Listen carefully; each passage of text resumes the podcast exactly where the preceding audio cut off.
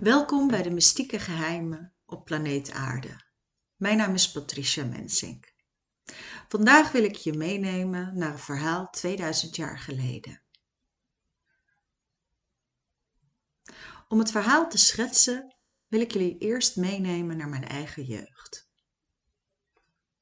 Toen ik nog een jong meisje was, was kerst voor mij een hele bijzondere periode, zoals voor velen. Kerstavond, als het donker werd, dan gingen wij naar de kerk. Ik mocht altijd mee. Ik ging of met mijn vader of met mijn moeder. Mijn moeder zong in het koor en mijn vader was koster. Ik zat dus altijd lekker in mijn eentje. En eerlijk gezegd vond ik dat gewoon prima. Ik was dat zo gewend door de loop van de jaren. Kerstavond was bijzonder. Iedereen was blij en mooi aangekleed. De kerk zag er prachtig uit en het rook er heerlijk. En de pastoor had eindelijk een keer geen haast. Hij vertelde altijd het verhaal. Het was een heel bijzonder verhaal dat ik graag met jullie wil delen. Het was een verhaal van hoop. Hij vertelde dat er een jonge vrouw was. En op een dag kreeg die jonge vrouw een droom. En in die droom verscheen een engel. En de engel zei: Je gaat een kindje krijgen. Je gaat een kindje krijgen. En dit kind is de zoon van God en zal de Messias zijn. De Messias. Er was alleen een probleem. Maria had een partner, maar daar was ze nog niet mee getrouwd. Jozef. En in die tijd was dat wel echt een dingetje. Om uiteindelijk niet uitgestoten te worden, is er heel wat gebeurd achter de schermen. Goed. In de periode dat zij dus zwanger was, was ook een goede vriendin van haar zwanger. Elisabeth. En Elisabeth was een oude vrouw rond de 50 die maar nooit zwanger kon worden. Zij was de vrouw van priester Zacharias. En een goede vriendin en familielid was Elisabeth dus van Maria. Maria, die was natuurlijk zwanger, maar Elisabeth, die zou ook zwanger worden. En die kreeg een kind wat later Johannes de Doper is geworden. We gaan terug naar de zwangere Maria.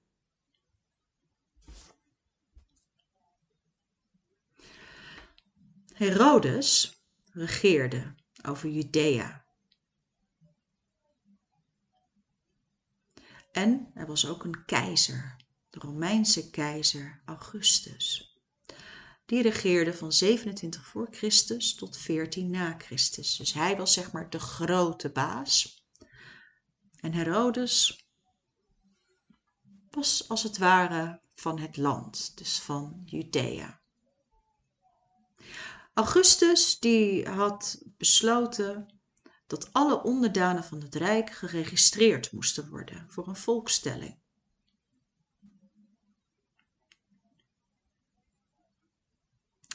Maria en Jozef hadden natuurlijk veel meegemaakt tijdens de zwangerschap. Maar uiteindelijk was het dus zover. Ze was hoogzwanger. Jozef en Maria van Nazareth in Galilea, hun woonplaats, moesten naar Bethlehem. Jozef komt uit het huis van koning David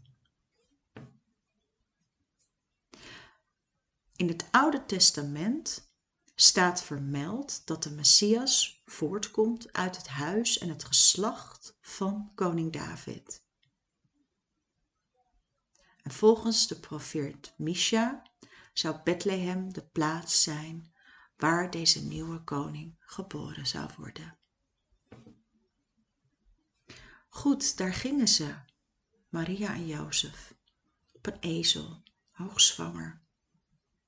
Het was een lange tocht. In Bethlehem aangekomen was het erg druk. Het was een drukte van belang. Hotels, gastenverblijven, zoals je een hotel 2000 jaar geleden zou kunnen noemen. Alles was bezet. Inmiddels had Maria weeën gekregen. Waar moesten ze slapen? Waar moest ze haar kind laten geboren worden? Want elke hoek en gat en gaten en gat van Bethlehem was gevuld met mensen. En je kan natuurlijk niet zomaar op straat ergens in een hoekje bevallen. Op een bepaald moment was er een dame van een soort kroeg, zou je dat nu noemen. Die zei, als je verder doorloopt, helemaal rechtdoor, dan vind je daar een soort stal. Misschien kan je daar logeren en je kindje krijgen. Ondertussen was er ook een ster aan de hemel verschenen een grote ster.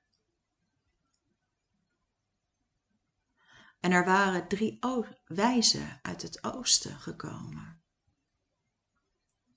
Die waren al lang aan het reizen, want volgens hun astrologie zou de nieuwe koning geboren worden, de verlosser, de Messias. En zij volgden de ster en de ster werd steeds helderder naarmate de weeën van Maria sterker werden. En de drie koningen, die stopten bij de koning. En dat was natuurlijk koning Herodes. En Herodes in zijn paleis liet de koningen binnen. De koningen zeiden: Zeg, is de koning al geboren? We hebben gehoord dat de Verlosser, de Messias, hij komt eraan. Herodes wist van niets. Hij was gechoqueerd en hij dacht, wat? Ik ben de enige. Alleen ik ben koning. Niemand. Want ook hij kende de profetie van het huis van David. Dat daar een Messias geboren zou worden. En al snel liet hij zijn soldaten uitzoeken wat er precies aan de hand was. En waar in zijn rijk zou er dan een koning zijn? De drie koningen uit het oosten, of de drie wijzen, het waren ook koningen, die vertrokken hun weg en volgden de ster en lieten Herodes achter in verwarring. Ondertussen kwamen Maria en Jozef aan in de stal. Er stond een kribbe en er waren wat dieren. En de bevalling zette zich in. Er waren herders, verderop in het veld, zoals dat ging in die tijd en de herders waren een beetje aan het lantefanteren lekker in een heldere middernacht. En zij zagen ook de grote ster. En plots verscheen er een engel. Een heel helder licht. En de engel verscheen voor de herders. En er kwamen meerdere engelen. En de engelen zeiden, de Messias is geboren, de Verlosser. Volg de ster en ga de Verlosser bezoeken. En de herders die waren gechoqueerd en die vonden het eng en die waren bang, maar ze dachten, Wat hebben wij gezien? Maar ze gingen met een heel groepje. En terwijl ze daar aankwamen, zagen ze een man en een vrouw en een kindje in een kribbe. En ze knielden en ze zeiden: We hebben gehoord dat hier de Messias is geboren. En ze waren ook verbaasd over dat het een baby was, geboren in een kribbe. En ze mochten het kindje zien en aanraken. En ze waren allemaal diep geraakt. Sommigen moesten zelfs huilen. En terwijl ze daar met elkaar waren, in de stal, kwamen de drie wijzen, de drie koningen uit het oosten. Zij kwamen eraan en zij zeiden: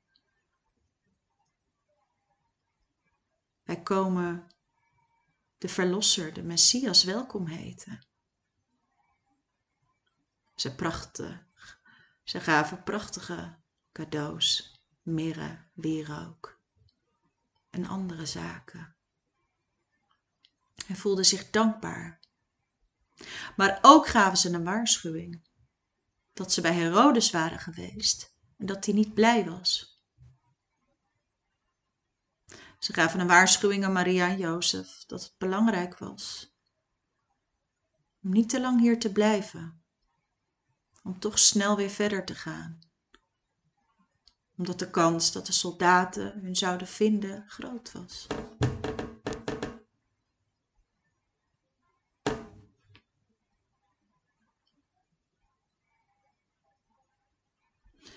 Veel mensen kennen ook het verhaal van Herodes, die de dagen na de geboorte van Christus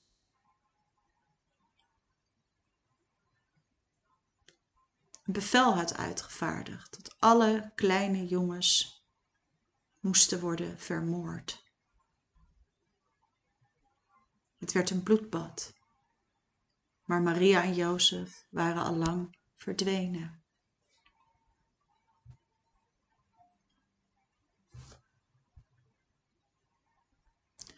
Dit is het verhaal wat wij vieren met kerstmis. Het verhaal van hoop, het verhaal van verlossing, het verhaal van een Messias die ons komt helpen, die ons komt redden van de ellende.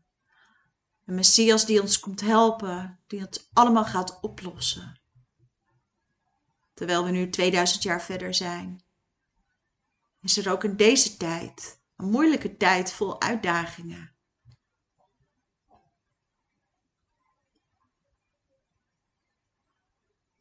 Het verhaal is een mooi verhaal. Dat blijft. Het raakt mij ook altijd nog steeds. Maar waar komt kerst nog meer vandaan? Want we vieren nu kerst op 24, 24, 25 en 26 december. Dus kerstavond, eerste en tweede kerstdag.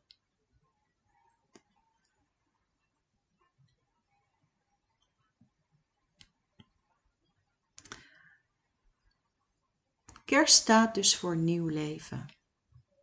Een nieuw leven, dat is niet onbekend. Een lichtsymbool. De Romeinen die vierden namelijk ook in december al ver daarvoor een feest over de nieuwe oost en het nieuwe leven.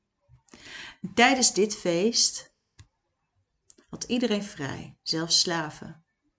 Men gaf elkaar cadeaus.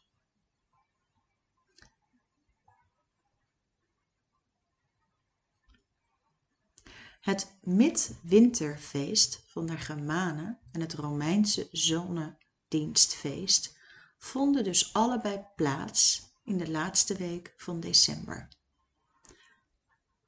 Nou, de zonnewende, de laatste dag, 21 december, is net geweest. Dit is de langste dag, maar dit is ook de laatste dag voordat ja, het weer gaat beginnen. Voordat het weer minder koud wordt, minder donker. De christenen hebben waarschijnlijk besloten om het geboortefeest rond diezelfde dag te vieren. Wat apart is, is dat het precies negen maanden na het begin van de lente is. De daadwerkelijke geboortedag van Jezus is in de Bijbel helemaal niet duidelijk. Pas in de vierde eeuw werd 25 december door de christelijke kerk uitgeroepen als officiële geboortedag. In Nederland werden tussen 25 december en 1 januari van oorsprong meerdere feesten gevierd, waardoor kerst vroeger vier dagen was. Inmiddels zijn er twee en zoals jullie weten in andere landen maar één.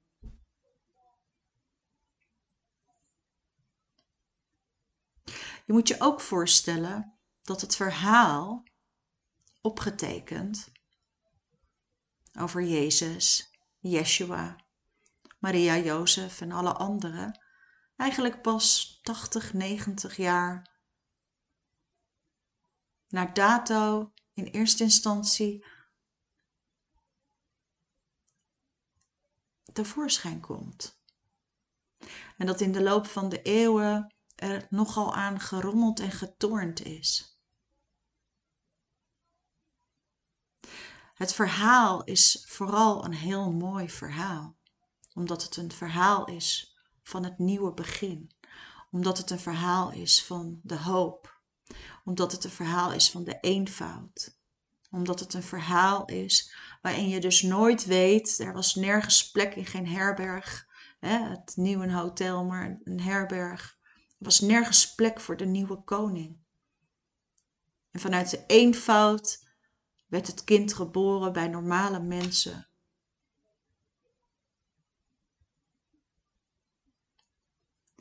Maar waarom vieren nu tegenwoordig mensen kerst met de kerstman? Deze traditie vindt zijn oorsprong in het afschaffen van Sinterklaas door de protestanten. Die wilden niets te maken hebben met deze katholieke heilige. In plaats daarvan kreeg het kerstfeest een eigen held in de vorm van vader kerstmis, die net als Sinterklaas cadeautjes meebracht voor de goede kindjes. In de Verenigde Staten zijn Sinterklaas en de kerstman inmiddels samengesmolten tot één figuur, Santa Claus. In Nederland staan ze nog steeds los van elkaar. Sinterklaas is onderdeel van onze traditie en de kerstman eigenlijk vooral door Amerikaanse films en reclames.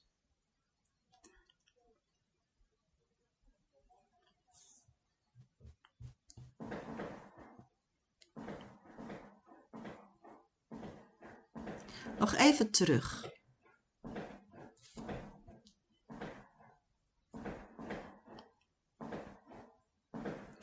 Naar kerst. Miljoenen vieren dus de geboorte. Waarschijnlijk, als hij überhaupt dus al geboren was, was het in de zomer. Maar we weten het dus nooit helemaal. Niemand weet het. Het is echt gewoon niet te achterhalen. Wat wel te achterhalen is, dat dus de zonnewende werd gevierd. Dat was voor de Romeinse godheid Saturnus. Dat is dan wel weer oké. En Saturnus, die kennen we natuurlijk allemaal. Of was het alleen maar om de planeet? Ook zeggen tegenwoordig onderzoekers dat er um, een soort conjunctie plaatsvond tussen Saturnus en Jupiter in oktober 7 voor Christus en dat daardoor Jezus een herfstbaby werd. Theologen houden het op lente, omdat de herders lagen bij nachten. Nou ja, dat zou dan niet in de diepe winternacht zijn. Hoe dan ook, we gaan het nooit weten. Het blijft heel moeilijk om het wel of niet te bewijzen. Er zijn honderden, misschien wel duizenden onderzoeken geweest. En de een zegt het kon en de ander zegt het kan niet. Ik denk dat we daar echt gewoon ook nooit achter komen. Ik kom er zeker nog op terug, omdat ik ook nog met jullie wil spreken over de kruisiging, maar dat is vandaag niet aan de orde.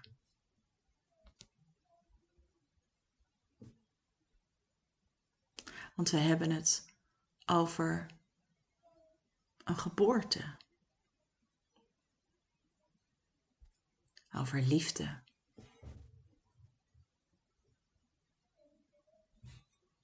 over hoop. Ik wil dat nog even met jullie hebben tot slot voor vandaag over de kerstboom. De kerstboom die komt waarschijnlijk uit de Germaanse tradities. Maar ook de Romeinen die waren bekend met het versieren van hun huizen met groene takken. Bij de Germanen en de Romeinen stonden groene takken en bomen voor een symbool voor vruchtbaarheid en goddelijkheid. Weet je nog? Vervierde ook een beetje Saturnus. Hierbij viel het op dat één boomsoort altijd groen bleef. De dennenboom. Andere die verloren hun bladeren, werden bruin.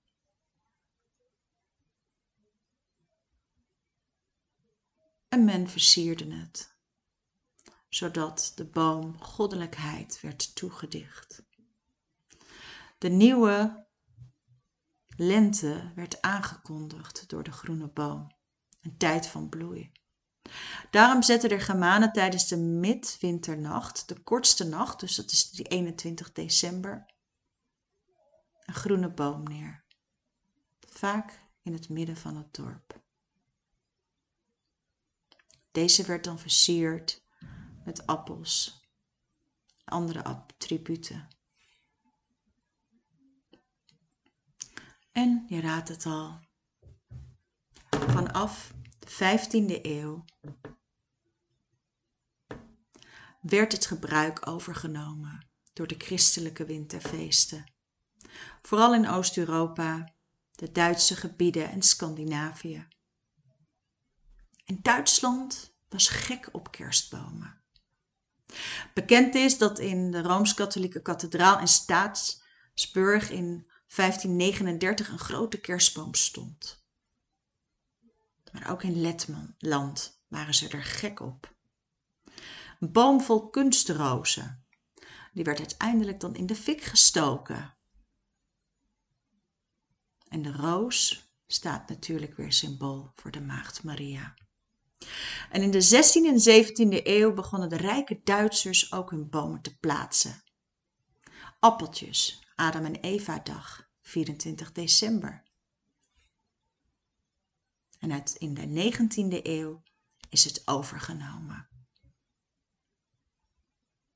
Het is de Verenigde Staten binnengekomen omdat Duitse immigranten naar Amerika verhuisden, naar de Verenigde Staten. En daar werd hij uiteindelijk commercieel groter en groter. En in Nederland is het eigenlijk pas in de 19e eeuw dat de kerstbomentraditie werd neergezet. Er is enorm veel verzet geweest, jaren, eeuwenlang, van de Rooms-Katholieke Kerk. Want de bomen hadden natuurlijk een heidense oorsprong en hadden niets te doen met het verhaal rond kerst. Vooral in de 19e eeuw waarschuwde de Rooms-Katholieke Kerk regelmatig. Pas in 1982 stonden er kerstbomen in het Vaticaan.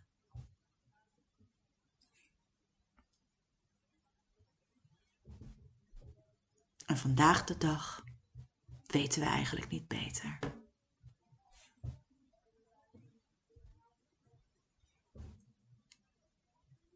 In deze periode, waarin we als wereld enorm worden uitgedaagd, denk ik dat het heel erg belangrijk is om je te realiseren dat we verhalen nodig hebben.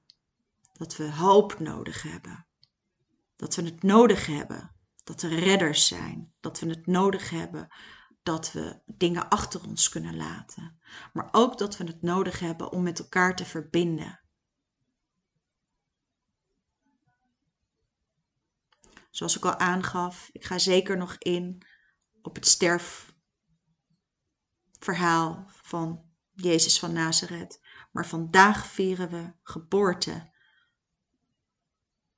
En wat ik hier ook mee wil zeggen is als ik kijk naar dat kleine meisje wat ik vroeger was, dat ik genoot, omdat het gaf mij ook kracht. En ik hoop dat het jou ook kracht geeft. Dat je weet dat alle mysteries en alle geheimen en alle religies, dat het al zoveel duizenden jaren gevierd werd en wordt. En ik wil jou ook uitdagen om jouw eigen tradities af te stoffen. Waar geloof jij in? Wat voelt voor jou goed? Wat is jouw religie? En wie weet wil je het ook met me delen. Ik wens je voor vandaag en de komende dagen een heel fijne periode toe. Een periode waarin je mag loskomen, waarin je het oude achter je mag laten en misschien inderdaad waarin je die boom letterlijk mag verbranden, zodat er ruimte komt voor iets nieuws. Ik wil je bedanken voor het luisteren en we spreken elkaar volgende week weer. Dit was de mystieke geheimen op planeet Aarde. Dag.